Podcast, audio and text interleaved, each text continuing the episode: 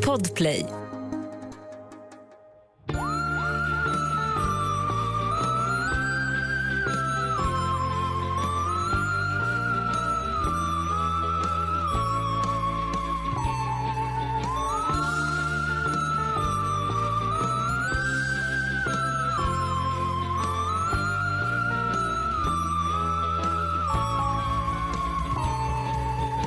Hallå allihopa där ute. Välkomna till eh, vår podd som heter Mord mot mord. Avsnitt 149 tror jag. Är det? Ja. Jag har verkligen schabblat bort mig i hur jag namnger mina mm, avsnitt. För det är nummer. Men jag tror att jag i dagens manus tror jag är 141. Bra. Eh, Så jag vet inte om jag var med på de där andra åtta. Som så, Gud, jag vem saknar. gjorde jag dem med? Nej det är 149, 150 nästa vecka. Jag tror väl också att nästa vecka typ är vårt treårsjubileum. Jag tror att vi la upp eh, vårt allra första avsnitt precis i slutet av januari. Det kan nog stämma. Det är Alltså. ändå ganska stort. Det är fan asstort. Tre år, det är fan länge. Det är riktigt länge. Tre år, 150 avsnitt. Det är längre än vad jag har haft vissa, eller alla jobb. Andra jobb. Och typ, alltså för mig ändå de flesta av mina relationer. Same, för, verkligen. Så grattis till oss. Grattis till oss och till er. Verkligen. Har du haft en bra helg? Ja, det tycker jag ändå att jag har haft. Mm. Jag har, eh, eh, eftersom jag inte kunde ta med min kompis på spa, arrangerat ett riktigt, sla, ett riktigt svajigt spa här hemma. Varför var det svajigt? Ja, men, alltså, det var ju, det, var, det, som, det som var bra var att hon hade, fick till exempel typ tre olika ansiktsmasker och sådana saker. På en och samma dag? Ja, Var hon helt, antingen så var hon helt liksom verkligen refreshed eller moisturized när hon åkte hem eller så var hon typ blev det kontraproduktivt och så var hon helt som ett russin när hon åkte därifrån. nej nej nej. Jag, jag vet ju vilken ordning va. Okej. det ordnade sig. Nej, så hon, hon var väldigt eh, eh, eh, återfuktad. Vad bra. Eh, men jag menar, alltså, det är ju ändå liksom ett sånt Partille-spa. Liksom. Vad betyder det då? Ja, men det är ju inte Sturebadet liksom. Ja, nej, Nej. Precis. Är man hemma hos sig själv så är det väl inte det vad man än är. Nej, men jag tänker att det kan vara mer eller mindre. men det var väldigt mysigt i alla fall. Det var väldigt, väldigt mysigt. Jag kan ändå, eh, det kändes ändå härligt att liksom göra något som kändes bjussigt för ens face fastän man gjorde det hemma. Jag var också med på ett hörn. Hur, hur mår du? Hur har din helg varit? Den har varit bra. Den, eh, min pappa fyllde Ja. år här i förra veckan, som, eller veckan som gick. Så vi ehm, firade honom utomhus då. Ehm, och det var, jag hade valt en plats som var eh, solig men jätteblåsig. Nej. Så det var ganska kallt. Men det var väldigt mysigt och vi, hade, vi satte upp ballonger i träden och sånt. Och det var väldigt fint. Mysigt. Det var mysigt. Så det är väl he- helgens höjdpunkt får man väl säga. Plus, du vet du vad? Jag tycker inte du ska basha din egen platsvalbarhet. För att det var fan blåsigt överallt igår. Jag tror typ också att det var det. Och Eh, sol jag, var det jag viktiga. skickade, jag skickade sen, jag vet inte, sökare för att känna efter om det var eh, mindre blåsigt längre ner. För vi var i en park som är väldigt kuperad. Just det, Men det just var det. lika blåsigt där. Du bara rullade ner Sigrid. Och nu så kollar vi på Harry Potter idag på söndagen. Vi har inte varit utanför dörren, det varit väldigt skönt. Eh, vi både, det är ju det enda vi gör just nu här hemma. Vi lyssnar och kollar på Harry Potter. Fan vad mysigt. Vilken har ni kollat på idag? Tvåan, Hemligheternas kammare. Just det. Vi kollade ju, ehm, vad heter den, Flam, Flammande bägaren, heter den så? Ja, väldigt på, bra. På, ja, den är otrolig. Men Jag i på allmänhet. Ja just det, du håller på att lyssna igenom alla ja. Ja, så nu, just nu är jag på den flammande bägaren och jag längtar så mycket tills jag ska se den filmen. Men Ja. vi, jag frågade Oskar idag om vi var tvungna att se dem i rätt ordning. För förra helgen såg vi ettan. Alltså jag har ju sett dem kanske 20 gånger redan. Men och alltså- läst böckerna typ 20 gånger. Men Det blir, fortsätter vara lika bra. Jag tror också att det här är helt rätt sätt att ta sig an eh, livet just nu. Mm. Alltså man ska bara kolla på sånt som, och lyssna på sånt, sånt. Alltså du vet. okej, Bekanta saker. Ja men typ jag tror att det är ganska bra. Och eh, framförallt så tror jag att man ska vara så här, nu vill jag bara eh, lyssna på Harry Potter och kolla på Harry Potter och det är helt fine. Ja. Nej, alltså jag, jag Det är så har härligt. inte känt något Jag- annat än så. Jag tycker att du är en inspiration. Ja. Själv kollar jag ju mycket på Vanderpump Rules. Så det är, lite, det är liksom min version av att kolla på något annat. Ja, men jag älskar ju det också. Och jag har börjat titta på, det här är ju verkligen inte egentligen vårt topic-ämne, men jag kommer att slänga ut det som ett tips ändå. Och det är Bling Empire som är jätteintressant på Netflix. Det, alltså, jag, eh, jag såg att Chrissy Teigen twittrade om det här om dagen. Ja. Efter att du hade tipsat om det. Du tipsade Bra. först. och det viktigt. verkar ju eh, otroligt faktiskt. Ja, Men det är jag- väldigt, eh, man kan typ inte fatta folk som har så mycket pengar som vissa människor har. Man blir i huvudet. Men, men jag tror att jag, jag behöver liksom ha en sån, du vet en eh, reality med många säsonger som Mm. rullar liksom parallellt med mitt liv på något sätt. Det är så vilsamt fattar. för mig. Det är det. Det Ja, var ju. Masterchef, det var, sen var det ju Below Deck förstås. Och nu är det då Vanderpump Rules. Mm, Det jag älskar det. Alltså det är verkligen otroligt. Man blir bara tokig på dem. Men eh, eh, en annan sak som jag har börjat lyssna på idag Mm. är, kommer du ihåg att jag berättade att Wondery skulle släppa en ny serie? The Apology Line. Just det. Eh, en ny podd. Den har kommit nu. Och Mhm. jag lyssnade på första avsnittet idag. Och det är fan riktigt obehagligt och jätte, jättespännande. Ja, vad spännande. Så det är så här, alltså storyn, så jag, alltså sagt, jag bara liksom första, men storyn är så här. En konstnär i New York på 80-talet bestämmer sig då för att starta, liksom, han har typ en, en, en telefonsvarare dit man kan ringa in och typ be om ursäkt. Oavsett om man är typ en brottsling eller om man bara du vet, är ledsen för något annat man har gjort eller Mm, whatever. det. Så kan man ringa dit och bara så här bara typ prata av sig. Man är anonym så länge man inte säger sitt namn förstås. Och du vet liksom så här. Så han samlar väl på det och börjar göra ett radioprogram. Men i det avsnitt som jag är i nu har han knappt ens hunnit börja göra det typ. Och eh, det går ju väldigt snabbt tills, liksom, det går väldigt snabbt och sen så börjar väldigt, väldigt obehagliga personer ringa in. Ja, vad så läskigt. Alltså det är fruktansvärt obehagligt. Och det, Det är kan man ju tänka sig på något vis att det skulle bli så. Ja, jag vet. Fast det går liksom så jävla fort eh, till så himla himla läskiga saker. Och att det är hans, eh, det är hans eh, fru, exfru, som eh, är liksom berättar historien. Eh, nej, den verkar verkligen jätte, jättespännande. Så den vill jag... Jag, känner, jag, jag tror att det kommer vara en sån serie du vet, som man behöver prata om. Jag fattar. Så att du behöver... Jag, jag, kan du någon jag har precis pausa Harry Potter? prenumerera på den. Så att, bra. Eh, gotcha. Okej, bra. Det känns skönt. Men du, visst började du också lyssna på eh, den som vi pratade om här, alltså Spotify Doc? ja, med författaren. Ja, Vad tycker du? Nej, men, alltså, nu är jag, så långt som jag kommit, är eh, där när man börjar kolla på dotterns relation till sin pappa. Eh, så var det typ avsnitt sex eller någonting. Det var så jävla många avsnitt, vilket jag ju i all allmänhet är för. Eh, och eh, alltså jag blir galen på något vet. sätt känner jag. Det är så sjukt program. Det är så jävla jävla intressant. För man vet inte, man känner ju ändå att man vet vad som är sant. Det känner jag i alla fall nu där jag är. Sen vet jag inte om det kommer ännu fler eh, vändningar. Gör det det? Nej, jag tycker typ inte det. Du tänker ändå som jag gör eller? Jag, jag skulle tro det läst samtal. ja, verkligen, men jag, jag tror det. Ja. Nej men det är ju... Eh, Det är starkt. man, vill inte, man vill inte spoila något. Så Nej. därför blir det liksom det mest innehållslösa för att någonsin. Men den är ju otrolig. Ja, så det kan man väl eh, upprepa det. Alltså tipset. verkligen, verkligen Spotify Doc. Och du sa att de hade fler som var väldigt bra och sådär också va? De har ju, jag lyssnade på en som eh, hette Bedragaren eller något sånt där. Ja. Ja just det. nej, de är faktiskt bra. Så det är verkligen eh, en stark serie. I must say. så finns mycket, Verkligen. alltid härligt. Har du kollat på någonting annat? Något? Eh, nej, jag fortsätter kolla på Night Stalker. Ja just det. Eh, helt eh, sjukt obehagligt som vi vet. Eh, annars inte så mycket true crime för mig just nu. Nej, Marcus föreslog eh, Night Stalker häromdagen men jag var så här, jag är alldeles för skör och typ ledsen för att typ klara av det här nu. Man måste Ja. verkligen, ibland måste man vara i rätt mode. Och så är rätt mode, ja, Ja, verkligen.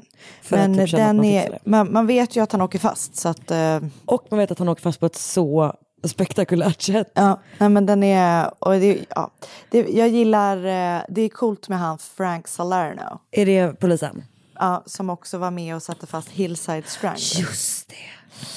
Alltså Och sen en, han teamar upp med en jättetrevlig annan polis. Och bra, han är säkert jättebegåvad. Alltså båda två är jätteuppenbara. Han verkar gullig.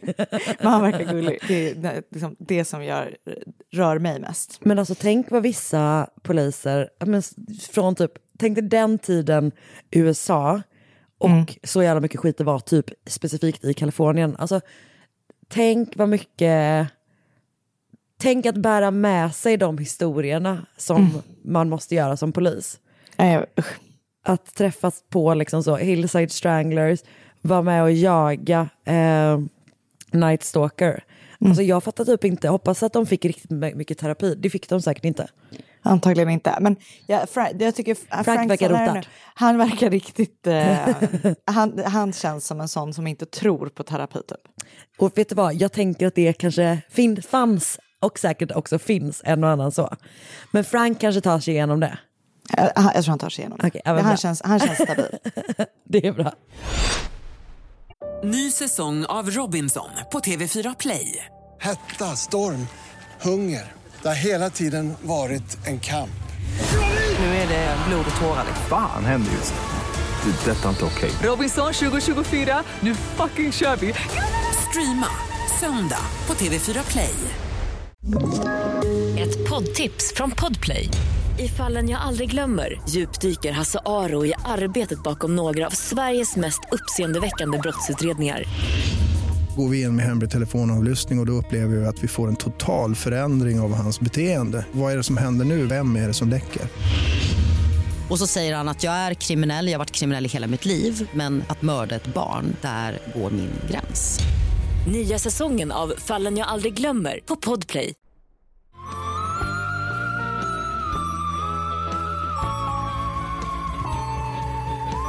Jag hoppar rakt in nu. Är Kör hårt, jag är med. Mitt i, perfekt. Eh, nej, men det är strax efter midnatt den 31 oktober 2002. Och vi har nu tagit oss till eh, Campo Belo-området. Eh, eller enligt vissa Brooklyn Velho, tror jag det kanske stavas, i Sao Paulo. Okej. Så vi är i Brazil. Eh, det här är liksom ett eh, fint och så här, du vet, eftertraktat område. Det ligger precis intill några av Sa- eh, São Paulos så viktigaste områden för typ finansmarknad och du vet, även typ så handelscentrum och sånt. Men det här kvarteret är liksom så här, väldigt mycket fina villor bakom murar och liksom låsta grindar. Så det här är verkligen så villaområde, men det ligger mitt i... Det ser jättekonstigt ut för att det ligger liksom klossan med skyskrapor typ. Okej. Ehm, så att nu är vi i alla fall här och eh, vid en sån här villa så är det då eh, den här natten en person som öppnar porten och smyger in tillsammans med ytterligare två personer. Alla tre går in i huset men den här personen som öppnade går in i ett arbetsrum på nedervåningen i det här huset medan de andra två går upp för trappan och in till husets största sovrum. Mm-hmm. Där sover Maricia och Manfred von Richthofen som är 50 och 49 år gamla. Och de här två personerna som nu står vid deras säng tar upp varsitt järnrör och, och börjar liksom slå mot dem. Och Manfred dör i sömnen. Men Maricia vaknar och liksom höjer så händerna och armarna för att typ försöka skydda sig själv. Men gärningspersonerna liksom fortsätter att slå. Och när de tror att båda är döda så gör hon ytterligare ett ljud från sig. Och efter det så hjälps de åt att kväva henne. Fy. I arbetsrummet har den här personen som stannade där nere försökt, liksom, eh, har här, försökt få det att se ut som ett inbrott. Så delvis har hen liksom tagit massor av pengar, pengar som är i både inhemsk valuta såväl som ehm, dollar och i euro. Mycket pengar liksom. Och eh, lagt ner det liksom i en väska. Det gör ju det också till ett inbrott. Att man är liksom så. Ja. Men, eh, eh, men också typ så spridit ut papper över golvet. Typ. Öppnat ett kassoskåp. Där låg det typ smycken och ett vapen. Och vapnet låter de ligga kvar men smyckena typ sprider de. De tar med sig några och några typ sprider dem över golvet. Va? Kunde de inte ta alla? Alltså, det hade ju varit bättre utifrån att se, få det att se ut som ett inbrottsperspektiv. Eh, det känns som att alla alltid tänker att inbrottstjuvar är så stökiga. Alltså verkligen, det hade man ju själv inte, alltså man hade ju försökt att inte vara det i alla fall. Ja, för att jag tänker om man ändå har tagit sig in mitt i natten. Och Då vill man ju vara tyst. Ja, men, men man vill vara tyst. Men man har kanske också, ganska, alltså, man har kanske också lite tid på sig tänker jag. Ja, men vet du vad jag tror att när det blir så stökigt? Mm. Eh, det är för att eh, alltså man letar och så har Ah, man det, eh, bråttom. Jag, jag, ja, jag tänker att man känner sig stressad, även om man har brutit sig in på natten och man har tid för att folk ligger och sover. Så tror jag att man känner sig stressad för Ja. att man är någonstans där man inte får vara. Det är verkligen sant. Men, men just det här pappersgrejen, kasta ut och så just det här märkliga då, sprida ut smycken. Ja, det är väldigt konstigt. Mm. Att det är sån eh, märklig liksom, Hans och Greta situation som inte leder till någonting. De låter vapnet ligga kvar som sagt och sen runt en timme efter att de har kommit så lämnar de eh, alla tre huset igen. Fyra timmar senare kommer Manfred och Maricias barn hem. De heter Susanne och Andreas och är 19 respektive 15 år. Susanne har varit med sin pojkvän under natten och Andreas har varit på ett internetcafé innan hans syrra hämtar upp honom. Det är inte meningen att någon av de här ska vara ute så här sent. Nej. Eh, såklart. Ehm, men de har liksom smygit ut då. Och Andreas har till och med du vet, så här, lagt tre kuddar under, sin, eh, under sitt täcke så att det ska se ut som att han ligger där och sover om hans föräldrar typ kollar in. Eh, vilket jag undrar, det känns som få, om man jämför hur många som har gjort det kontra hur många som har kommit undan med det. Men tror du att det är så många som har gjort det? Alltså jag tänker att det är en sån grej som man typ ser att folk gör i filmer men det är ingen som gör så i verkligheten. Jag tror typ att folk gör det. Men jag tror inte att man bygger liksom en gubbe. Du vet såhär, stjäl ett kålhuvud från köket, målar ett face på. Eh, men han har i alla fall gjort det. Och uppenbarligen har de inte hunnit upptäcka någonting eh, innan den här fruktansvärda attacken har hänt i alla fall. Ehm, och de är liksom så här, som sagt, de har varit ute, de ska nu försöka så här, smyga in tillbaka in i huset utan då att deras föräldrar märker någonting. Men så fort de kommer hem så märker de att så här, någonting är fel. Och de ser det direkt eftersom ytterdörren är öppen. Och de blir förstås liksom oro- oroliga direkt. Andreas går in och ropar på Maricia och Manfred men får liksom inget svar. Och då ger Susanne honom en kniv från köket och bara är så här, hon bara gå ut härifrån, gå ut och vänta liksom. För de vet ju inte om det är någon kvar i huset sådär. Nej, gå inte in bara. Nej, och jag tror att hon också går ut. Och det hon gör är att hon går ut och ringer då sin pojkvän eh, Daniel som hon de har varit med tidigare. Och han kommer då dit och går in. Och jag är lite osäker på om han ser det som har hänt på övervåningen. Jag tror inte det, utan han går in i arbetsrummet, han är bara, där nere. Och sen ringer han polisen och säger så här, det här det har varit ett inbrott typ, ni måste komma hit. Så uppenbarligen så verkar det som att han inte varit där uppe. Polisen kommer till huset vid femtiden på morgonen och de är så här, alltså delvis så hittar de uppenbarligen den här fruktansvärda scenen på övervåningen eh, i paret Richthoffens eh, sovrum. Men kan också typ konstatera direkt att så här, det här är inget inbrott liksom. Det är bara någon, alltså du vet att papperna nästan så ligger med liksom regelbundenhet typ. Och eh, man börjar istället misstänkas då att här, målet har varit att mörda eh, Maricia och Manfred och de tror också att det bör ha varit någon nära paret som har begått det här mordet. Och de börjar då som vanligt så här, kolla runt på alla typer av personer runt paret. Du vet, det är kollegor, vänner, släkt, anställda, bla bla bla. Och deras egen familj. Och redan snart, alltså typ direkt, så börjar, börjar de se en person som väldigt, väldigt misstänkt. Och det är parets äldsta barn, Susanne von Richthofen. Jag kände det på mig i hela kroppen. Bra. Som sagt, de tycker typ att hon är weird från början. Och eh, de tar liksom, polisen tar med sig Susanne, Andreas och då även pojkvännen Daniel till polisen, till, alltså till stationen. Eh, för att de ska förhöra dem och sådär. Och Andreas sitter typ och gråter och är liksom otröstlig. Medan Susanne typ så här, sitter och typ hånglar med sin kille större delen av tiden. Eh, hon verkar väldigt oberörd helt enkelt. Och dagarna, det fortsätter liksom så dagarna efter mordet. Typ att hon, så här, hon och Daniel kommer typ till huset och badar i poolen dagen efter. Alltså, ja, okej. Ja, nej, jag vet. Men det är Daniels bror Christian som ett par dagar senare kommer att ge polisen liksom, anledning att agera. Eh, det är, eh, han kommer att köpa en motorcykel som sätter igång liksom, en hel rättssak. Men först, innan vi går in på det, så tänkte jag att jag ska berätta lite grann om den här familjen. Okej. Manfred von Richthofen föds i Erbach, Tyskland 1953. Han sägs vara släkt med en annan, mer känd Manfred von Richthofen. Vet du vem det är? Nej. Det är då Röde Baron. Röde Baronen, alltså som ju är en av världens mest kända stridspiloter som flög för tyskarna under första världskriget. Okej. Och den här von Richthofen-släkten påstår i alla fall att de är släkt med honom. Eh, men det verkar lite oklart om det är sant. Okej. Men det är liksom storyn de berättar. Eh, Manfred utbildar sig till eh, ingenjör och bestämmer sig för att plugga då på andra sidan jorden. Så han åker till Sao Paulo och börjar på universitetet där. Och där träffar, träffar han Maricia Silva Abdala som är brasilianska eh, med ursprung i José Bonifacio men som redan som tonåring flyttat till Sao Paulo. Och hon pluggar då till psykolog. Så de träffas på 70-talet, gift sig eh, ett par år senare, pluggar ett tag i Tyskland, men när de är klara i, med studierna så kommer de tillbaka till São Paulo. Och Manfred får anställning och blir senare också chef för ett så stort statligt bolag som verkar jobba med typ eh, Eh, ja, men de gör typ vägar och sånt, liksom, motorvägar och sånt där bygger de. Och Maricia öppnar en egen mottagning och det går liksom jättebra för det här paret. Tillsammans börjar de typ bygga upp en mindre förmögenhet. Så att det, de blir liksom väldigt ekonomiskt, de är väldigt ekonomiskt välbärgade.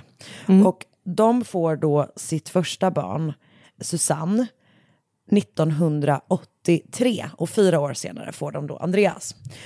Den här familjen är liksom, du vet så här, ja, en helt vanlig familj i området, alla tycker om dem.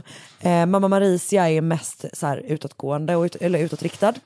Och du vet så här, blir ganska bra vän med olika grannar och sådär. Eh, men också Eh, men Manfred är liksom också så social, så de är, de är liksom omtyckta helt enkelt.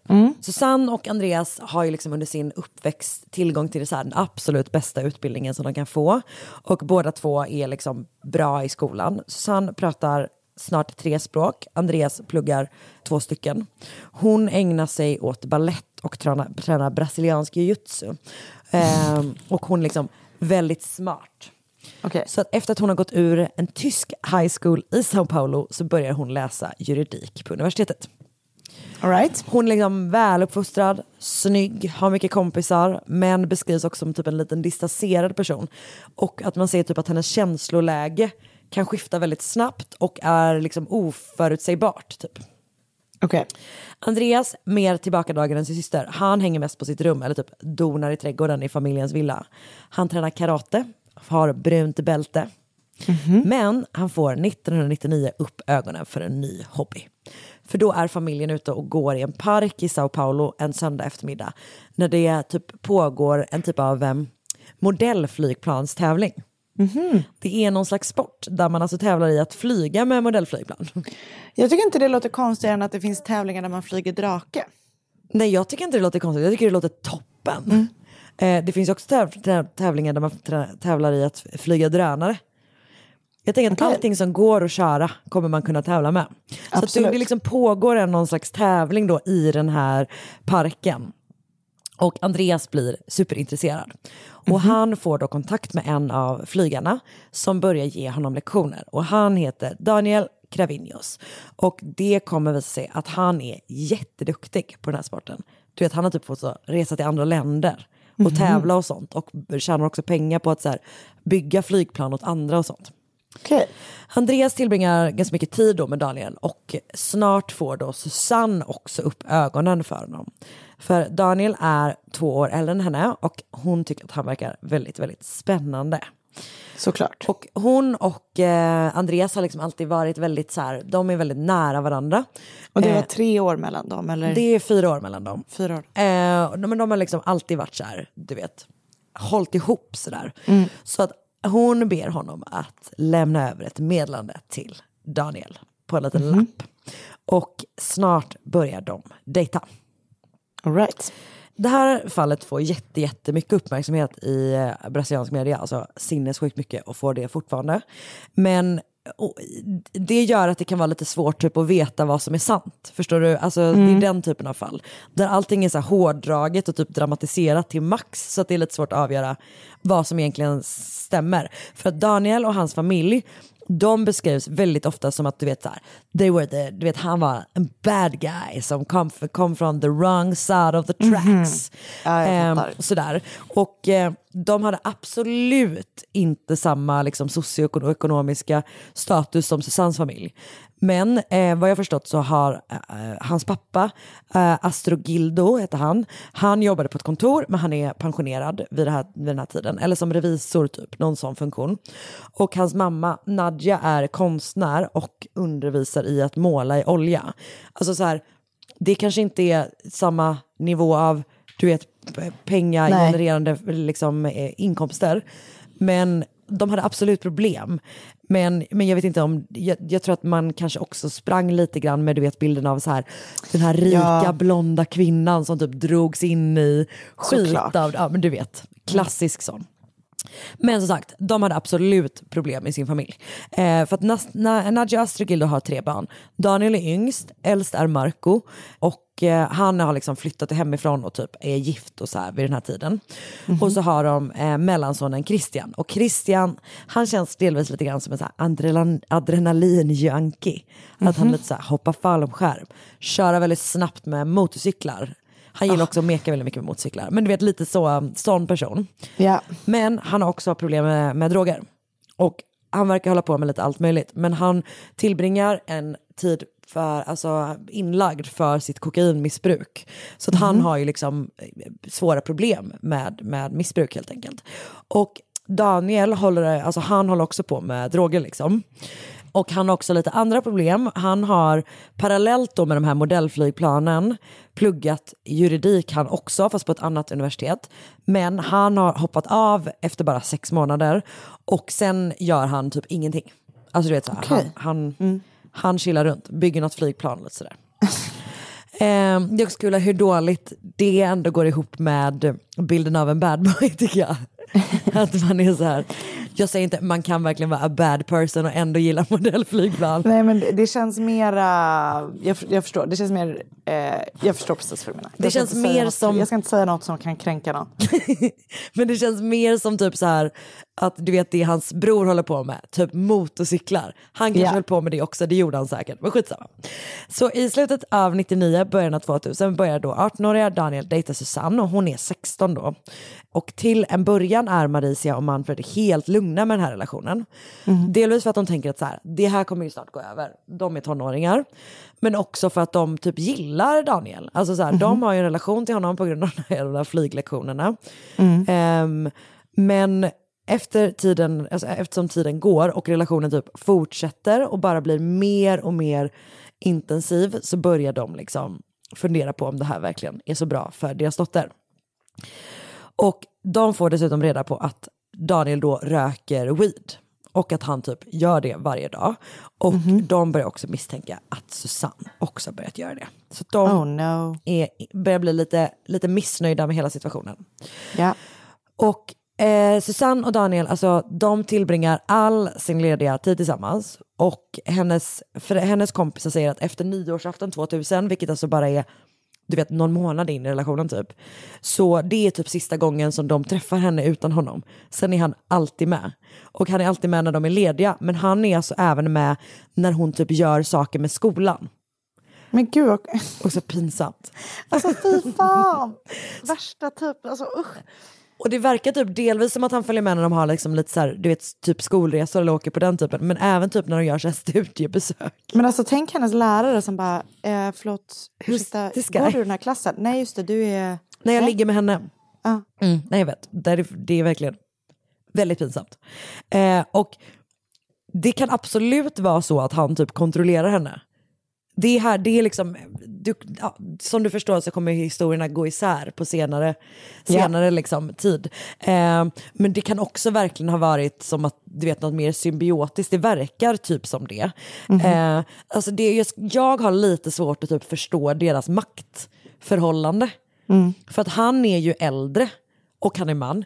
Eh, men hon har ju så jävla tydligt övertag rent typ ekonomiskt. Ja. Du vet hon så här, köper jättemycket fina saker till honom och sådär. Så att det är liksom Det är svårt säkert att en avgöra. växeldragning i Ja. den maktbalansen. Ja, ja, det stämmer nog säkert. Och alltså, som sagt, båda två är liksom så här, du vet, har hur mycket typ bilder på varandra som helst hemma. Han har alltså en kudde på sin säng med en bild med henne. du vet när man har tryckt egen kudde, då menar Då man allvar. man. Mm. Hur som helst, eh, hon börjar ju då, Susanne, bete sig allt sämre mot sina föräldrar. She's acting out. Hon smyger ut på nätterna. Eh, Daniel som sagt har ju liksom introduced her to drugs. Eh, och de röker då delvis, men tar också ecstasy och sniffar lim och sånt. Och Maricia och Manfred blir helt förståeligt eh, allt mer oroliga och de har ju, alltså så här, det blir den här grejen, du vet så här, vad händer med vår fina lilla dotter? Och det tror jag i och för sig att ganska många föräldrar kan känna i tonåren, eller förstår du vad jag menar? Utan att Ja. det behöver gå helt åt, håll, helt åt helvete. Men, men det, det blir liksom inte, de, det blir inte bra det här helt enkelt. De får Nej. ingen ordning och det blir bara värre och värre. Och ju mer de motsätter sig relationen, desto mer utåtagerande blir ju hon. Ja, Så såklart. alltså, det vet- går ju ofta hand i hand. Exakt, precis. Så det blir ju liksom en, en eskalerande situation som, som typ, eh, du vet, leder till att det så här blir ganska stora bråk med honom också. Och hon har någon period när hon, hon försöker övertala sina föräldrar att skaffa en lägenhet till henne där hon kan bo med honom. Och de är så här, nej vi kommer inte köpa en lägenhet till dig, men däremot så här, om du vill tjäna egna pengar och lösa en lägenhet, Ja. absolut, typ, då får du bo med honom. Men du vet, då blir hon superarg, ja du fattar liksom. Ehm, och nu är vi då eh, i april 2002. Så att den eh, relationen har ju pågått i typ två och ett halvt år.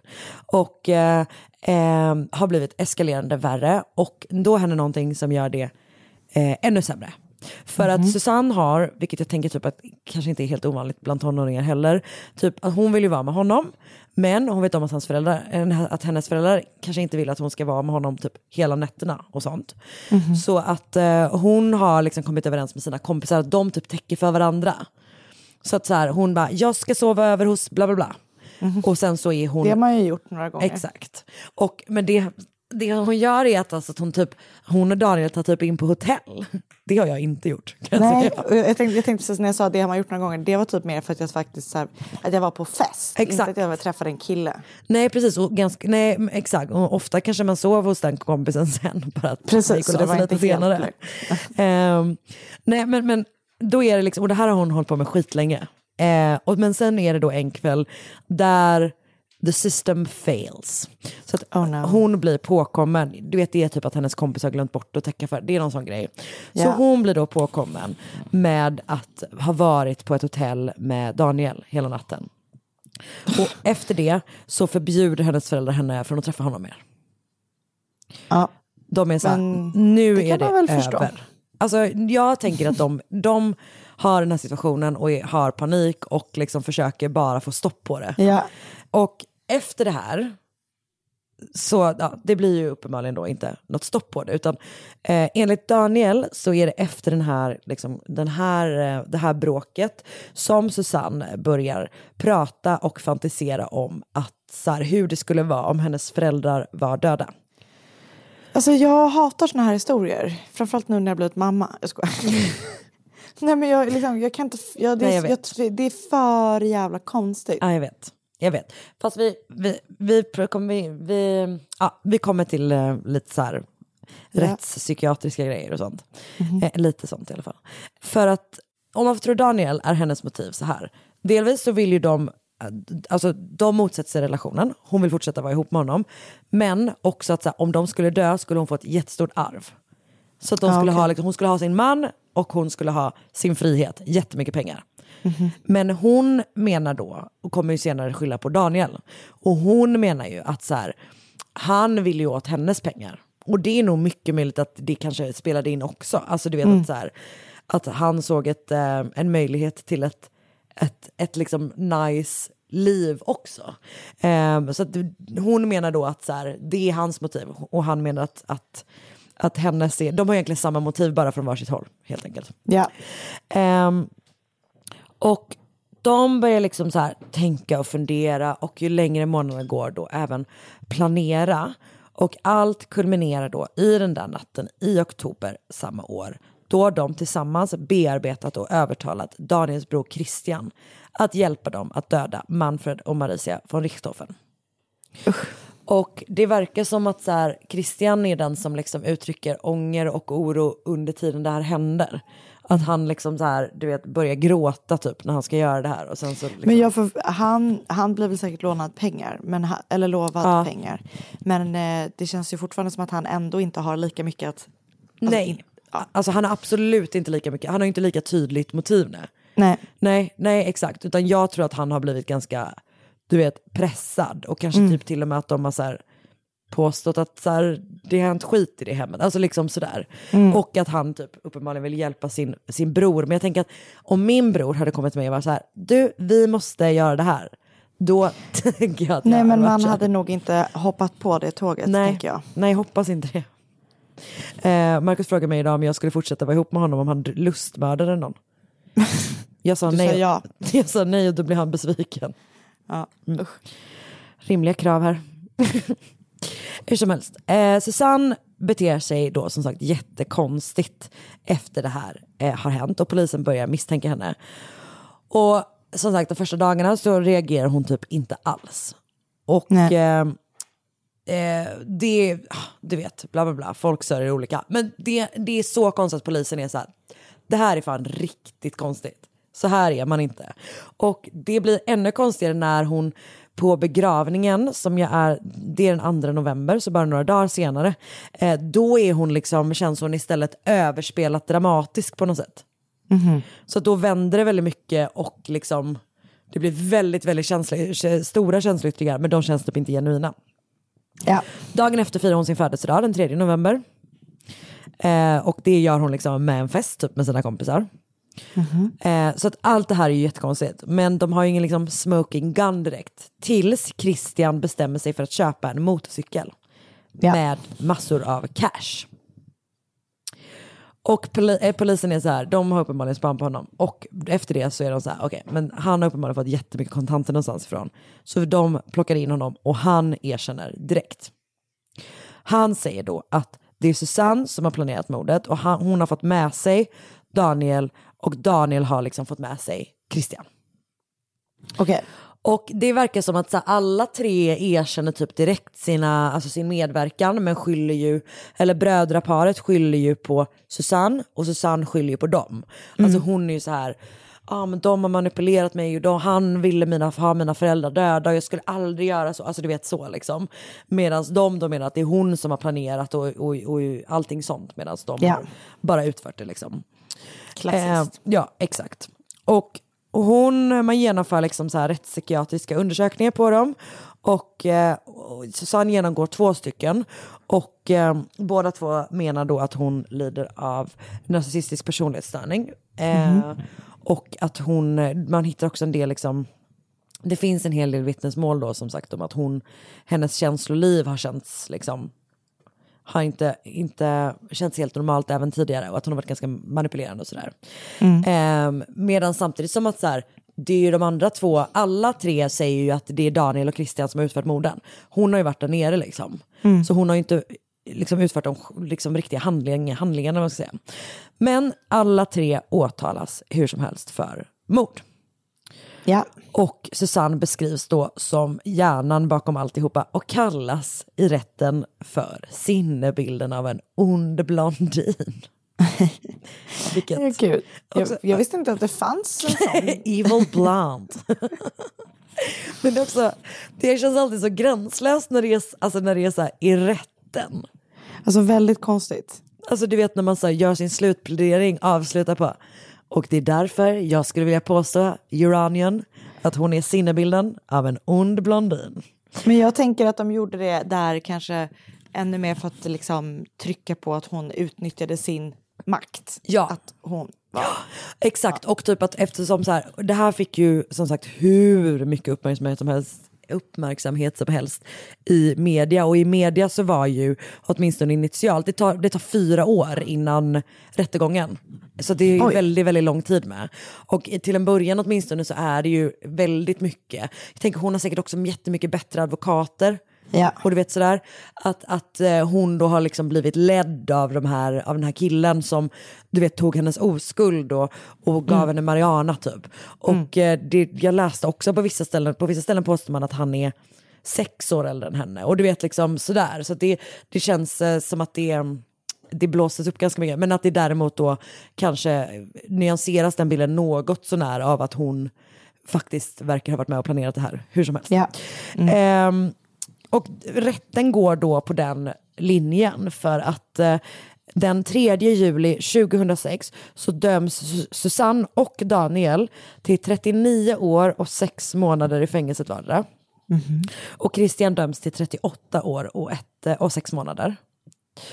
Och det verkar som att alla tre, vad jag förstått, fortfarande sitter inne, men att det liksom har funnits massa olika så här utslussnings du vet perioder och att, Ja. att de har liksom fått ledigt vissa dagar, eller ledigt, men du fattar, Mm. eh, vissa högtider och sådär liksom. Och eh, bland annat då, vilket blev en väldigt stor grej, att så har hon ledigt på eh, mors och fars dag. Men gud, Alltså jag måste sluta säga att man har ledigt från fängelset. Eh, kunde de inte valt en annan dag Nej, jag bara? vet, verkligen. Så att så här, de, de, men de har en hel del friheter, vilket ju är, det har ju gått, nu ska vi se, 2006, 15 år. Ja. Inte så mycket ändå. Men ändå var sjukt att det är 15 år sedan ehm, det var 2006. Det Ja, känns som att det var också typ en kvart sedan. Ja, verkligen. Nej, och hon var ju typ under 21 så här, när, när mordet begicks, hon var ju bara 19 liksom. Så att det finns ju en del så här, förmildrande omständigheter och så. Men både Daniel och Susanne har gift sig i fängelset. Jag tror eventuellt att hon... Inte med varandra. Inte med varandra. Ehm, Daniel med någon kvinna som hade en, en eh, släkting som satt inne i samma fängelse som han träffade där. Och Susanne med en annan kvinnlig intagen. Som också, som de delade cell typ. Men jag vet inte, det kan eventuellt vara så att hon har skilt sig och nu har typ en annan pojkvän. Oklart. Hon har då fortsatt få jätte, jättemycket uppmärksamhet. Alltså det verkar som att så här, de här bröderna Framförallt Christian verkar fin- finns det ganska lite om. Eh, Daniel finns det ändå en del om. Han har typ så här, du vet, börjat plugga och sådana saker och också sagt då gift sig. Ehm, men hon får ju fortsatt jättemycket uppmärksamhet. Och tydligen blev det ett väldigt, liksom, började man ehm, göra mycket memes på henne rörande Orange is the new black typ, när den serien blev stor och sådär. Gud vad flummigt. Ehm, hon har, så hon har ju liksom så här, hon har varit i en rättstvist med sin bror om föräldrarnas arv. Hans, hennes bror tog ju liksom avstånd från henne ganska kort efteråt såklart. Eller inte såklart, men han gjorde det. Eh, och det gjorde typ att huset stod oanvänt hur länge som helst innan hon till slut typ gick med på att ge honom det. Eh, hon har eh, gjort en, så här, hon har genomfört en del typ lite små märkliga tv-intervjuer. Bland annat en där hon typ så här pratade med liksom en jätte, jättebarnslig röst hela tiden och typ var iförd så här jättebarnsliga kläder typ.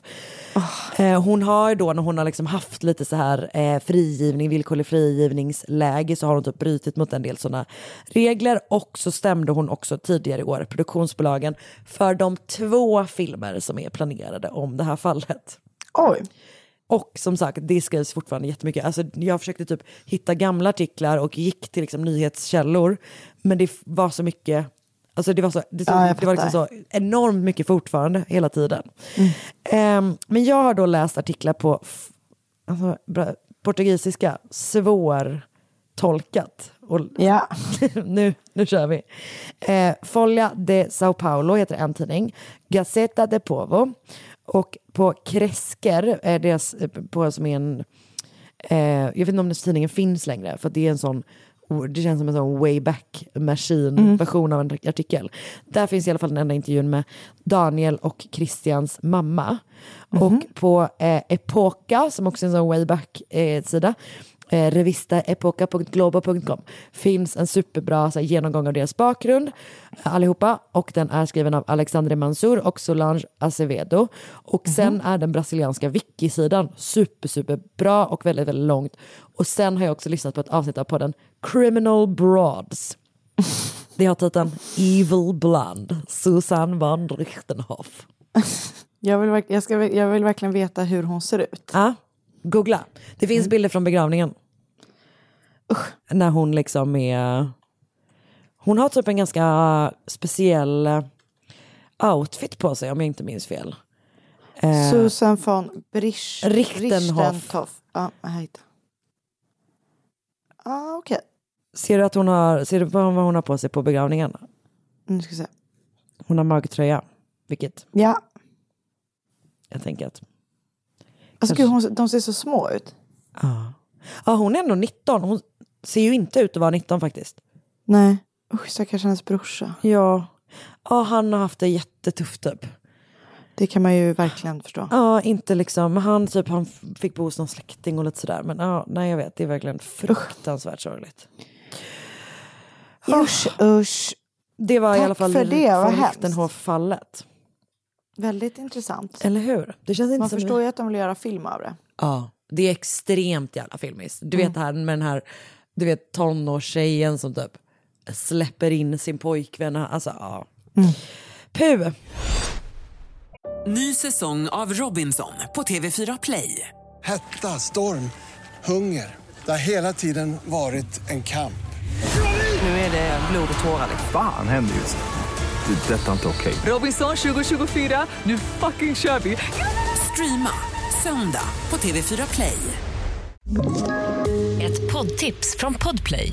I fallen jag aldrig glömmer djupdyker Hasse Aro i arbetet bakom några av Sveriges mest uppseendeväckande brottsutredningar. Går vi in med hemlig telefonavlyssning och, och då upplever vi att vi får en total förändring av hans beteende. Vad är det som händer nu? Vem är det som läcker? Och så säger han att jag är kriminell, jag har varit kriminell i hela mitt liv men att mörda ett barn, där går min gräns. Nya säsongen av Fallen jag aldrig glömmer på Podplay.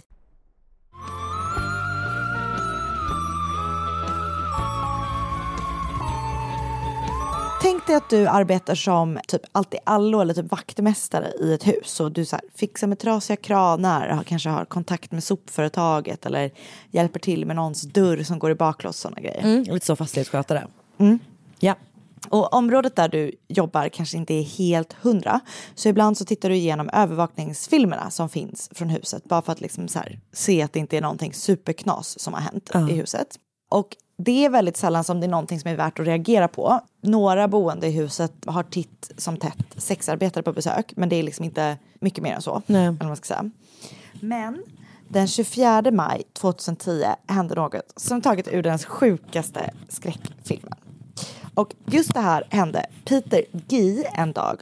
Och jag ska berätta lite mer om vad som hände då, i den här filmen.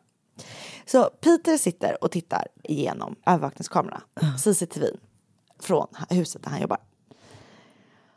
Och han då får se någonting som får honom att ringa polisen, kan man säga.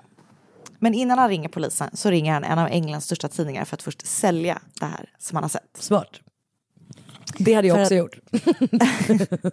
Nej, jag tror verkligen Nej, inte det att du hade jag absolut Nej. inte gjort. Det vill jag ändå vara tydlig med. Han ringer typ så The Sun eller något sånt. Yes, Ja. precis. Ehm, och det här som han har sett på filmen då, som sen kommer att börja, alltså du vet det finns, det, det är så hemskt när han då säljer det här. För det här, det, det finns överallt liksom. Jag är så rädd nu. På övervakningsfilmen så ser man en man komma hem med en kvinna. De småpratar och går in i hans lägenhet. Och det är liksom inget som man reagerar på först. Men det alltså dröjer typ, som jag förstår det, en minut eller något sånt där. Innan samma kvinna kommer utspringande ur lägenheten och mannen kommer efter. I handen har mannen en armborst. Och han skjuter kvinnan som har sprungit ut ur lägenheten med huvud, i huvudet med armborsten. Och sen drar han tillbaka henne in i sin lägenhet. Och sen när han har dragit in henne i lägenheten så vänder han sig till övervakningskameran och pekar fuck you rakt in i kameran. Och sen den kommande timmen efter så syns denna man komma, komma och gå ut och in i sin lägenhet. Med, och varje gång han lämnar så har han med sig påsar typ. Det här är det Eh. läskigaste jag har hört. Det är skitläskigt.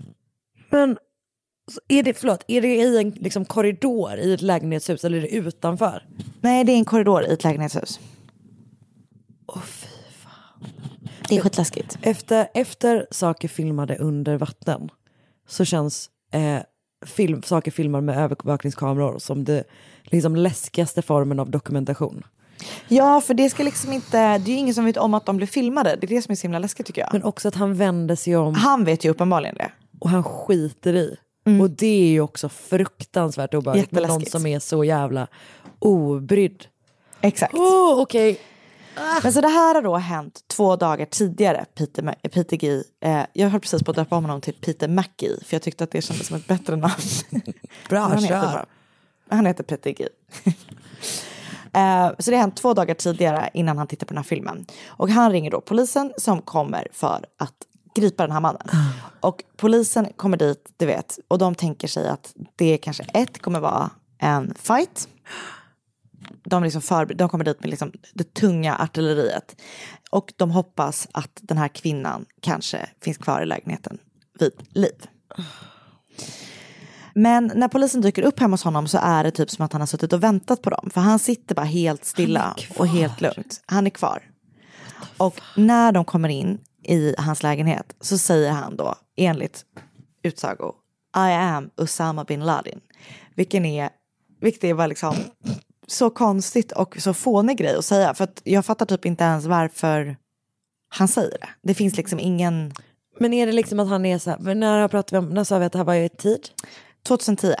Men är det liksom bara att han är så här, jag är en fucking terrorist? Alltså är det, Jag, jag, jag tror typ eller det är så. han delusional och tror att han är Usama bin Nej, nej, nej, nej, nej, nej, nej, absolut Utan det är mer av ett nej. statement. Liksom. Ja. Kul, och han känns- hade haft två dagar på sig att jobba på det. Ja, och då känns det som att han hade kunnat liksom välja någonting starkare än det tycker jag. Ja. Jag är eh, helt enig. Så han följer självmant med in till polisstationen och är typ så helt medgörlig och trevlig liksom med polisen. Vad läskigt. Mannen som de har gripit heter Stephen Griffiths. Stephen Griffiths föddes på julafton 1969 i Dewsbury i Yorkshire i England. Hans pappa arbetade med fryst mat och hans mamma var telefonist. Vilket jag typ tolkar som att det är någon sån växeloperatör av något slag. Han växer upp, eh, eller hans uppväxt är ganska enkel. Men hans föräldrar insåg tidigt att han var sjukt smart. Alltså han har jättehögt IQ, han är liksom superintelligent. Eh, så de vänder ut och in på sig själva för att de ska tjäna tillräckligt bra med pengar för att han ska kunna gå på en sån fin privatskola. Där blir han såklart, höll jag på att säga, det är inte alls såklart. Han blir tyvärr, kanske man ska säga snarare, väldigt utanför. Och eh, hans klasskompisar beskriver honom som the odd one out, vilket säkert handlar om att han troligtvis har liksom en helt annan bakgrund än de här andra barnen i skolan. Men också för att han är weird. Liksom. Han samlar på knivar och ville visa upp dem för sina klasskompisar. Och han brukade typ skjuta fåglar med typ, jag vet inte, slangbella hittar jag på nu. Han brukade i alla fall eh, alltså, döda fåglar och typ dissekera dem, tortera dem, du vet sådana saker som man vet att vissa människor pysslar med. Jag förstår ändå att folk kanske inte var supersugna på att hänga. Ja. När han var tonåring så åker hans mamma fast för hon också sysslar med eh, någon slags bedrägeri.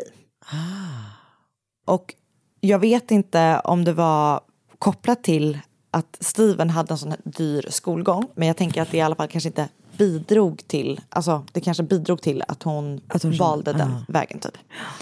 Eh, kort efter att mamman har åkt dit så skiljer sig mamman och pappan från varandra och Steven börjar typ hata sin mamma. Alltid hälsosamt. Jag, jag lyssnade på en podd om just det här fallet och då pratar de om det att alla såna här liksom, seriemördarfall så det, det spelar ingen roll vad mamman gör för att det är alltid mammans fel. Alltså så här, om pappan lämnar mamman så är det mammans fel. Ja, som inte typ kunde behålla pappan. Exakt, om Ja. mamman lämnar pappan så är det mammans fel. Om mamman typ försöker du vet göra Ja. bedrägeri för att hjälpa sin familj är det mammans. Alltså vet, Nej, vet. you can't win. Nej men det är så Alltså- det är att vara kvinna. Alltså verkligen.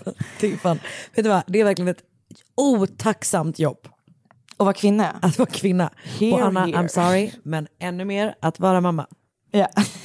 Just när man inte trodde det kunde bli, mer otacksamt. Så blev det det. Damn it. God damn it. Men som jag förstår så bor hon fortfarande med, bor han och hans syskon fortfarande med mamman då efter att hon har avtjänat sitt straff eller hur nu, jag, jag vet inte exakt vad mamman döms till.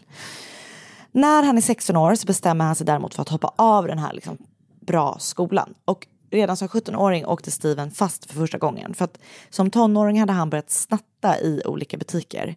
Och någon gång typ när personen som arbetade i den här butiken där han snattade ställde honom mot väggen och bara hallå vad pysslar du med liksom? Sluta stjäla från min butik. Så tar Steven fram en kniv och skär den här personen i ansiktet. Butiksbeträdet fick efter överfallet sy så mycket som 19 stygn. Åh jävlar. Han döms då till tre år i ungdomsvård. Han tillbringar bara ett av de här tre åren i ungdomsvård. Sen släpps Eh, han liksom. Och sen släpps han. Ah. Och när han släpps så har, verkar det som att han har tappat all kontakt med sin familj. Och han flyttar liksom från där de, han har växt upp till en lägenhet i någonting som heter Manningham. Och där, sen börjar han läsa psykologi på Bradford University. Okej. Han är inte helt stabil. Han har ju liksom tidigare visat tendenser på att inte vara det också. Det fortsätter så. Han fortsätter även i vuxen ålder då skjuta fåglar med typ en soft airgun. Som han sen tar hem för att dissekera. Och eh, han har enligt någon, jag vet inte om det här är sant, någon gång tagit alltså typ en babykanin. Och Nej, svalt nej. den. Bara för att visa sig ball typ. Alltså du vet sån jättekonstig grej att göra. Vad är det för gäng? Nej jag vet inte. bara, om, det, om du har en kompis som tycker att du är ball när du sväljer en kanin, byt kompisar och skaffa hjälp. Jag tror inte han har något gäng. Jag tror han är en sån riktig weirdo du Ja, vet som bara kolla ja. vad jag kan göra. För jag ska berätta sen hur han liksom, Ja, vad ja, han kör mer för stil. Eh, när han är 20 år så får han 100 timmars samhällstjänst för att han har skjutit de här fåglarna. Men det är också på grund av det den här typ soft airgunnen som han har skjutit med. Det är typ ett olagligt vapen på något vis. Just det. Och kort efter att han har liksom, eh, fått den domen mot sig så döms han till fängelse för att han har hotat en tjej i sin skola med kniv. Just det, han pluggar på universitetet ja. Ja. Ja, mm. Så när han sitter i fängelse den här gången och jag tror han har, liksom, han har varit under utredning eh, tidigare för att liksom se hur hans mentala hälsa är. Eller man ska säga. Eh, och i, det, när han sitter i fängelse för det här så kommer de fram till att han har klart psykopatiska drag. Och eh, enligt utsago så pratade han med sina medfångar om att mörda folk när han satt där inne. Perfekt. Nu är det fritt fall. Det är alltså, det, man kan säga att det startade med ett fritt fall och vi är någonstans mitt i det just nu. Så vi kommer fortsätta falla. Vi fortsätter en bra bit till. Ja, gud. När han kommer ut ur fängelset så fortsätter han att plugga. Så han, han pluggar då psykologi och när han har tagit sin kandidat i psykologi så bestämmer han sig för att han vill doktorera och ta en sån här PhD i psykologi med inriktning på kriminologi. Oj, okej, intressant val. Men Ja. är han liksom smart? Är han bra i skolan? Vet du det? Han är duktig i skolan, alltså han är, han Han är är smart, väldigt liksom. smart. Ja. Eh, han har ett särintresse kan man väl säga för eh, av seriemördare. Och den som han är mest fascinerad av är Yorkshire Ripper, alltså Peter Sutcliffe. Eh, Det känns som att hans fascination vid seriemördare skiljer sig från våran till exempel. det, det tycker jag man Jag kan vill säga. ändå hoppas att det är så. Ja, det, jag tycker man kan säga det. Okej, bra. Så Peter Sutcliffe var liksom hans seriemördare of choice men han tyckte också det var spännande med Jack the Ripper, typ Myra Hindley och Ian Bradley och du vet, de Morse Murders-gänget och så här. I hans hem så står det typ, hela hans bokhylla är fylld med du vet, böcker om seriemördare och så här. Till hans försvar, eller vad man ska säga, så pluggar han ju kriminologi. Ja. Så att eh, han, han förtäcker i alla fall sitt intresse med eh, typ, hey I'm going to college. Just det. Ehm, utöver att han är väldigt smart och läser kriminologi och allt det där. Är, han, han är ju bara störig som fan. Men han är också, han är du vet quite the character. För han vandrar omkring i Yorkshire med långt svart hår och en lång skinnrock.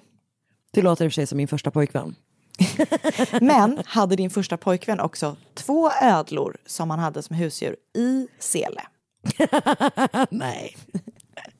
Han har alltså Han hade två... säkert om han fick. Han hade alltså två såna här stora läskiga ödlor i sele och kopper som jävla katter Som typ. går liksom, han är ute och går med. Ja, ja, ja, ja. Och han matar dem med levande råttor hemma, du vet. Så det är så folk som har berättat om att han bara så här, vill du komma hem och kolla när jag matar min ödla? Typ. Gud, han vet verkligen hur man umgås den här killen. Ja, han är sjukt, alltså han suktar efter uppmärksamhet. Alltså det är ju den enda anledningen till att man gör sånt där. Och äckligt. Ja, så jävla äckligt. Jag, jag har ju väldigt svårt för alla reptildjur. Nej, det är inte bra. Det är läskigt tycker jag. Och vi behöver vara tydliga med att vi behöver inte 8000 bilder i Facebookgruppen på era gulliga ormar. Det är Nej. helt okej med att ni gillar era ormar. Det, alltså, jag ligger i sängen och det började precis rysa som att låg en orm här. Och jag tror till och med att jag kan dra till med att postar ni det så vet jag inte om jag kommer vara kvar i Facebookgruppen. Nej, och då åker ni ut ur Facebookgruppen Ja. för Anna behöver vara kvar. jag behöver henne där. Ja. Eh, bra, tack. Du, Men så han är alltså ute och går i skinnrock, alltid en stark look, och Ja. med tillhörande ödlor. jajamän. Han dejtar lite olika tjejer men det verkar inte vara någonting så här jättelångvarigt. Och det finns lite olika tjejer som han har varit ihop med och som han har dejtat som berättar eh, liksom hur det har varit att leva ihop med honom. Och eh, en tjej har berättat att han liksom först var så här mysig, smart, spännande, intelligent, du vet, du vet, härlig att prata med och sådär. Men ju längre tid de var ihop, jag tror att de var ihop i typ ett år, så blir han mer och mer kontrollerande. Såklart. Och hon lämnar honom till slut för att en grej som han gör precis innan han lämnar henne är att han typ hugger henne i benet med en kniv. Oj. En annan tjej, och det här låter ju lite som den där pizzan i råttan, råttan i pizzan historien. Eh, men det är en tjej som säger att hon har kommit hem till honom och då har hela lägenheten varit inplastad. Nej, Men det här är som den här, Jag vet, nej men vi vet ju vad det är. är det här originalhistorien tror du? Kan vara där den kommer ifrån. Eller så har hon också bara läst en creepypasta-grejen. och Hon bara, Det in- hände mig. Vilken djup trollning eh, när hon har liksom implanterat det bara för att jävlas med dig. Verkligen. Men jag en annan tjej som också. eh, han dejtade, ju, som gjorde slut med honom, eh, började han, du vet, han började tracka henne som fan och började förfölja henne i flera år. Alltså han är, du vet, riktigt vidrig på många plan helt enkelt. Okej, så nu är vi tillbaka till där vi började. Peter G har ringt polisen. För två dagar innan Peter G har sett det här äh, filmklippet så har den 36 år gamla Susanne Bly, Bly, Blymyers anmälts försvunnen. Hon kommer från en med, en helt vanlig medelklassfamilj och har levt ett helt vanligt liv. Eh, hon älskade du vet, alla sorters djur, hon ville utbilda sig till sjuksköterska med, och hon börjar på universitetet i Bradford där hon lär sig till sjuksköterska. Och eh, hon gifter sig, men när hon skiljer sig så börjar det eh, go south för henne. Hon börjar umgås med lite så skumma människor och börjar så småningom knarka. Eh, vilket sen då leder, senare leder till ett ganska tungt missbruk av crack. Oj. Så hon, det verkar som att hon hamnar på en downward spiral som går väldigt fort. Och det sägs då att en kille som hon dejtade som också är djupt i ett missbruk. Han får henne att börja med sexarbete så att hon ska kunna köpa knark till dem. Perfekt. Kvällen som hon försvinner har eh, några andra sexarbetare sett henne i Bradf- Bradfords Red Light District. Och hennes familj vet att hon, liksom, att hon är där och jobbar, alla vet var hon är. Men hon kommer inte hem bara. Så de blir oroliga för att det finns typ inga spår eh, liksom, efter henne. Men det dröjer då två dagar innan polisen får liksom, reda på var hon har tagit vägen. För att ganska snabbt, och, och man, man tar hjälp liksom, av tandkort och sånt där. Sen, ja, nu går jag händelserna förväg. Filmen, kvinnan på filmen är då Susanne Bly, Blymyers. Men det är inte så att hennes, typ, för, eh, hennes familj får reda på vad som har hänt med henne för att de råkar typ se i fucking tidningen. Alltså han har, alltså jag kan inte släppa att, han ring, alltså att han sålde bilderna innan han ringde polisen. Nej jag vet, det är så jävla, det är så jävla vidrigt. Jag tror att de fick reda på det av polisen. Jag har sett en dokumentär där mamman pratar om, alltså hon är ju helt, alltså såklart förstörd. Ehm, Hur, ja, ja. Eh, men så att de, de vet att hon i alla fall har varit hemma hos eh, Steven. Men, men hon finns ju inte kvar hemma hos Steven inser de ju då när de har åkt hem till honom och gripit honom. Eh, polisen genomsöker hans lägenhet efter spår efter eh, Susanne och eh, de letar i området runt omkring där han bor. Han erkänner ju allting som han har gjort men han vill inte berätta var de kan hitta henne. Asshole. Så det går några dagar till. Eh, jag tror det går två dagar till. Och då ser några människor en ryggsäck flyta i en flod som heter Air i en stad som heter Shipley som ligger nära Bradford. Ryggsäcken i vattendraget innehåller kroppsdelar som tillhör Susanne. I det här vattendraget kommer man också sen att hitta eh, 80, 81 kroppsfragment. Och en väska med vatt- eh, lite olika verktyg som man sen kan koppla till Steven. Man kommer också att hitta, du vet, eh, C- de har ju sådana CCTV överallt i eh, Storbritannien. Och de hittar också sånt material där man ser Steven resa till Shipley med den här väskan. Åh fy fan vad obehagligt. Så till slut så är de bara så här, okej men nu vet vi liksom var hon finns typ. Och ja, är väl inne på polisstationen och när de då liksom har hittat eh, Susanne så erkänner Steven två mord till. För att eh, i juni 2009 så har den 43 år gamla Susan Rushworth försvunnit. Hon har tre barn och eh, hade i ganska ung ålder hamnat på glid och blivit drogberoende. Jag tror, det, jag, jag tror jag läste att hon också efter en skilsmässa eh, typ hamnade du vet fel. Och antagligen handlar det om att de behöver du vet försörja sin familj och så börjar de, du vet, hamnar de i allt hemskt runt omkring. Så hon eh, har också ett ganska tungt drogberoende och försörjer sig som sexarbetare. Eh, hon anmäldes försvunnen när hon då skulle träffa en kompis men så dyker hon bara inte upp. Så när hennes barn och familj inte heller har hört någonting från henne på några dagar så eh, anmäler de henne, henne försvunnen till polisen. Och polisen gör då lite eftersökningar och de kan typ så här de hittar inga direkta spår på, efter någonting. De ser att hennes kort inte används på flera dagar. Men det finns inga vittnen, det finns inget övervakningsmaterial, det finns ingenting som kan hjälpa familjen och polisen att ta reda på vad som har hänt. Eh, och med tanke på hur hon försörjde sig så blir det som vanligt ingen jättestor grej av detta. Det är det vanliga, du vet så här. Hon har säkert dragit till en annan stad eller du vet så här. Ja. Det är, hon har försvunnit på, med, av fri vilja. Typ. Det är också Eh. intressant hur lättvindigt man tror att typ bara, alltså, bara för att man typ är sexarbetare så har man så himla lätt för att typ så lämna hela sin familj och inte höra av sig. Ja, och, men, och ja precis. Och, men, eller vad jag ska säga, ja och den, hon var ju också beroende av heroin. Och eh, så som man förstår det, har förstått det när man hör om heroin och typ crack och sånt där är att man, man säljer ju typ sin mamma För vad som helst, att ja. få ta, alltså liksom så att eh, Åh, det är så mörkt, det är så det, jag, jag försvarar inte att de inte har kollat efter henne mera. Det borde de verkligen, verkligen ha gjort. Men jag liksom tänker att så här, ehm, ja, ma, ja, det där drogmissbruket verkar vara det vidrigaste man kan tänka sig att va, befinna sig i. För att hon blir ju liksom så desperat att hon då Ja, det är det hamnar i, enda. i farliga situationer. Väldigt sorgligt. I april 2010 försvinner en annan kvinna med under väldigt liknande omständigheter. Den här gången är det 31 år gamla Shelley Armitage som försvinner. Hon verkar vid första anblick också ha så här ett väldigt vanligt liv. Hon verkar vara en väldigt vanlig tjej eller vad man ska säga. Hon har typ nära kontakt med sin familj.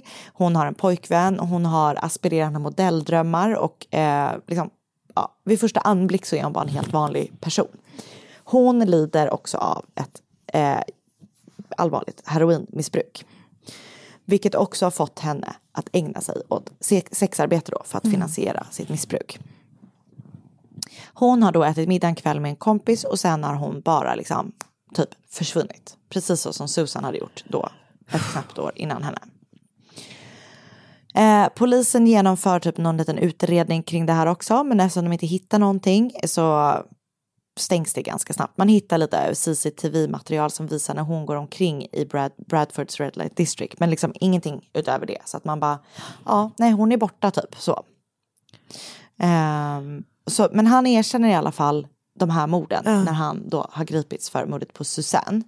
Eh, han, eh, du vet det finns ingen press från polisen, så här, har du gjort någonting mer? Utan han liksom typ skryter om att han har gjort det här. Han säger också att han har eh, mördat loads more. Men det finns inga bevis för att han har gjort det. Och han säger inga liksom, namn eller någonting på Nej. den här. Nej.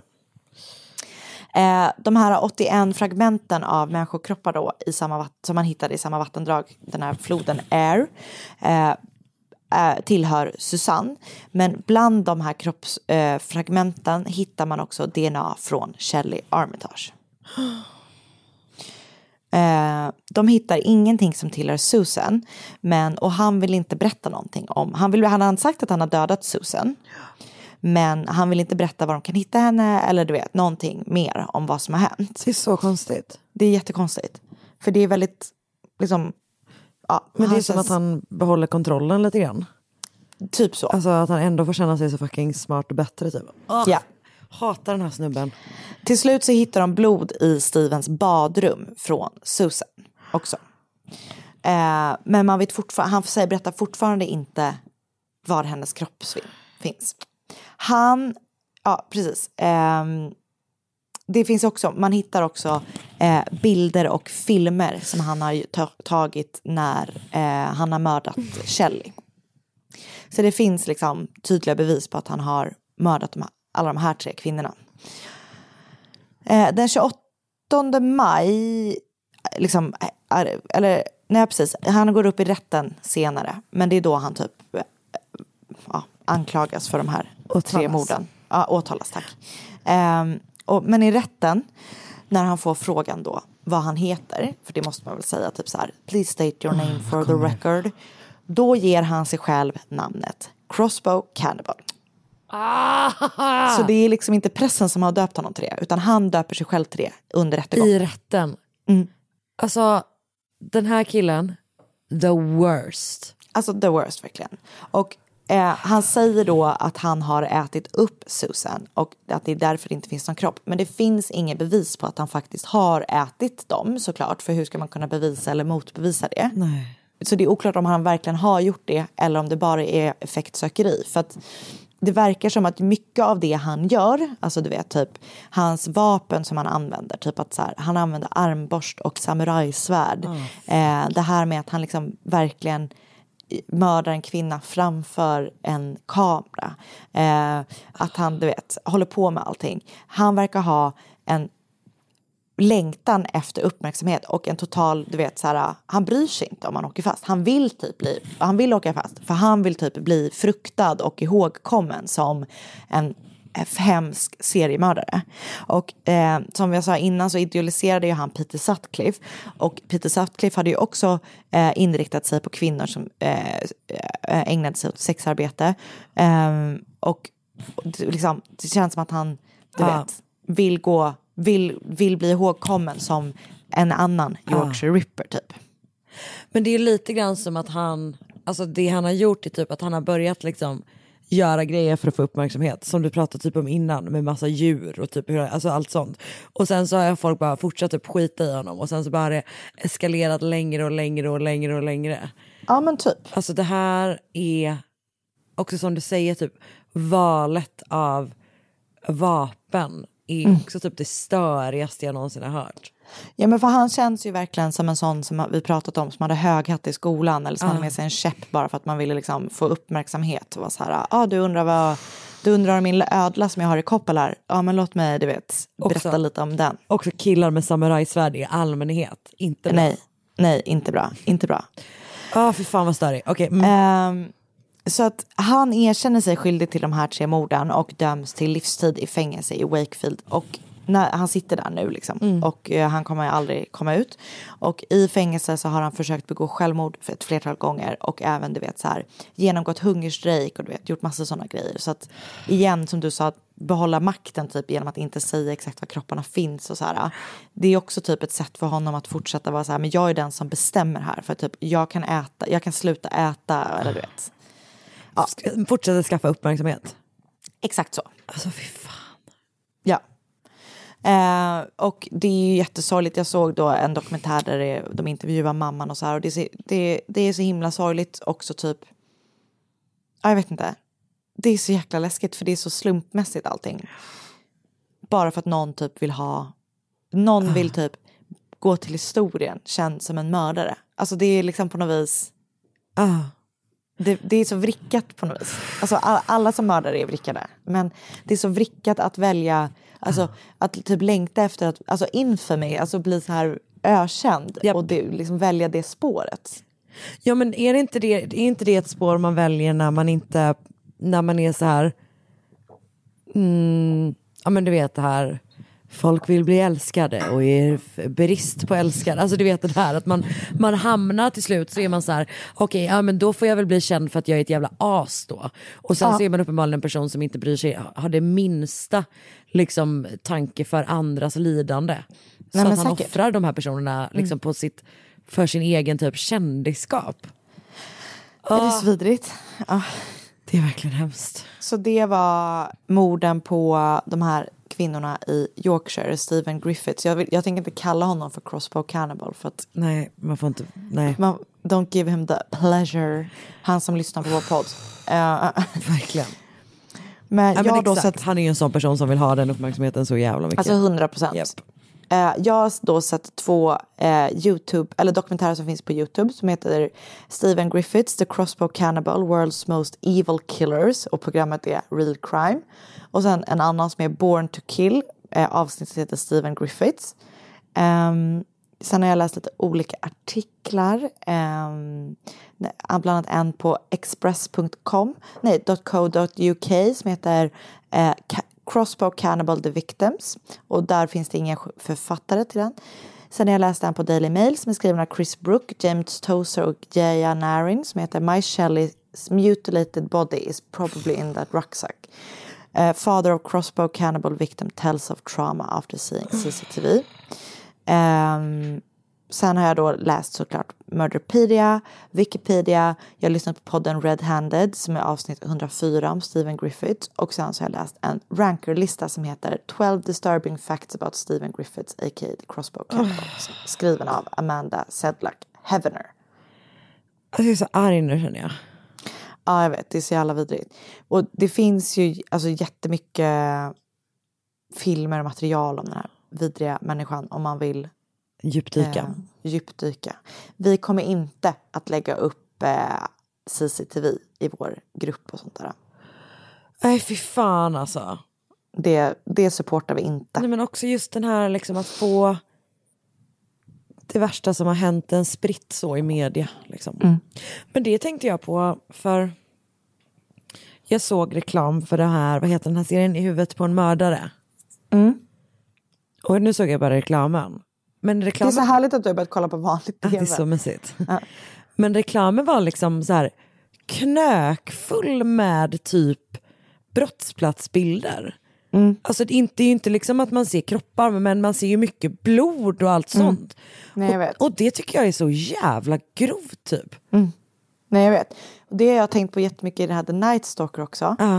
Eh, där är det eh, jättemycket. Både att de har liksom gjort replikas eller vad man ska Ja. säga. På, men det är också de riktiga bilderna. Och så har de bara gjort ett kryss över ansiktet. Nej. Och det är så obehagligt. Alltså jag, vi tycker ju verkligen inte om det. Ehm, jag tycker det är så fel. Det känns så hemskt att titta på. Det känns inte alls respektfyllt Nej. på något vis. Nej, exakt, och det känns som att den, den liksom hela processen den liksom, det har liksom normaliserats mer och mer. Att man bara använder det som går typ och glömmer Ja. bort att det är liksom människor som, alltså tänk dig att vara en person vars anhöriga typ har liksom mördats i ett uppmärksammat fall som sitter då hemma och typ kollar på tv och uppenbarligen undviker de programmen för att de vet om Mm. Men så kommer ändå Men kommer reklam, reklamen, ja. exakt. Nej, det är så jäkla läskigt. Du Anna, det här var ett eh, fruktansvärt sorgligt fall och fruktansvärt irriterande fall och hemskt på jättemånga Ja, sätt. Som man typ inte har hört så mycket om. Nej, och det var så nyligen också. Ja. Ah, fuck that guy. Ja, Oh, verkligen. så jävla mycket. verkligen. Eh, men du, tack. Vi tackar väl för den här veckan och eh, påminner om vår Facebookgrupp som heter Mord mot mord podcast. Där vi kommer ha en livesändning den 26 februari, sa vi det? Precis. Ja. Eh, och man får gärna önska fall eh, På Instagram. på Instagram. Och eh, ja, Det var väl det. det var väl det va? yes. Okej, vi hörs nästa Härligt. vecka. Det gör vi. Hej hej! Ny säsong av Robinson på TV4 Play. Hetta, storm, hunger. Det har hela tiden varit en kamp. Nu är det blod och tårar. Fan händer just nu. Det. är Detta är inte okej. Robinson 2024, nu fucking kör vi! Streama söndag på TV4 Play.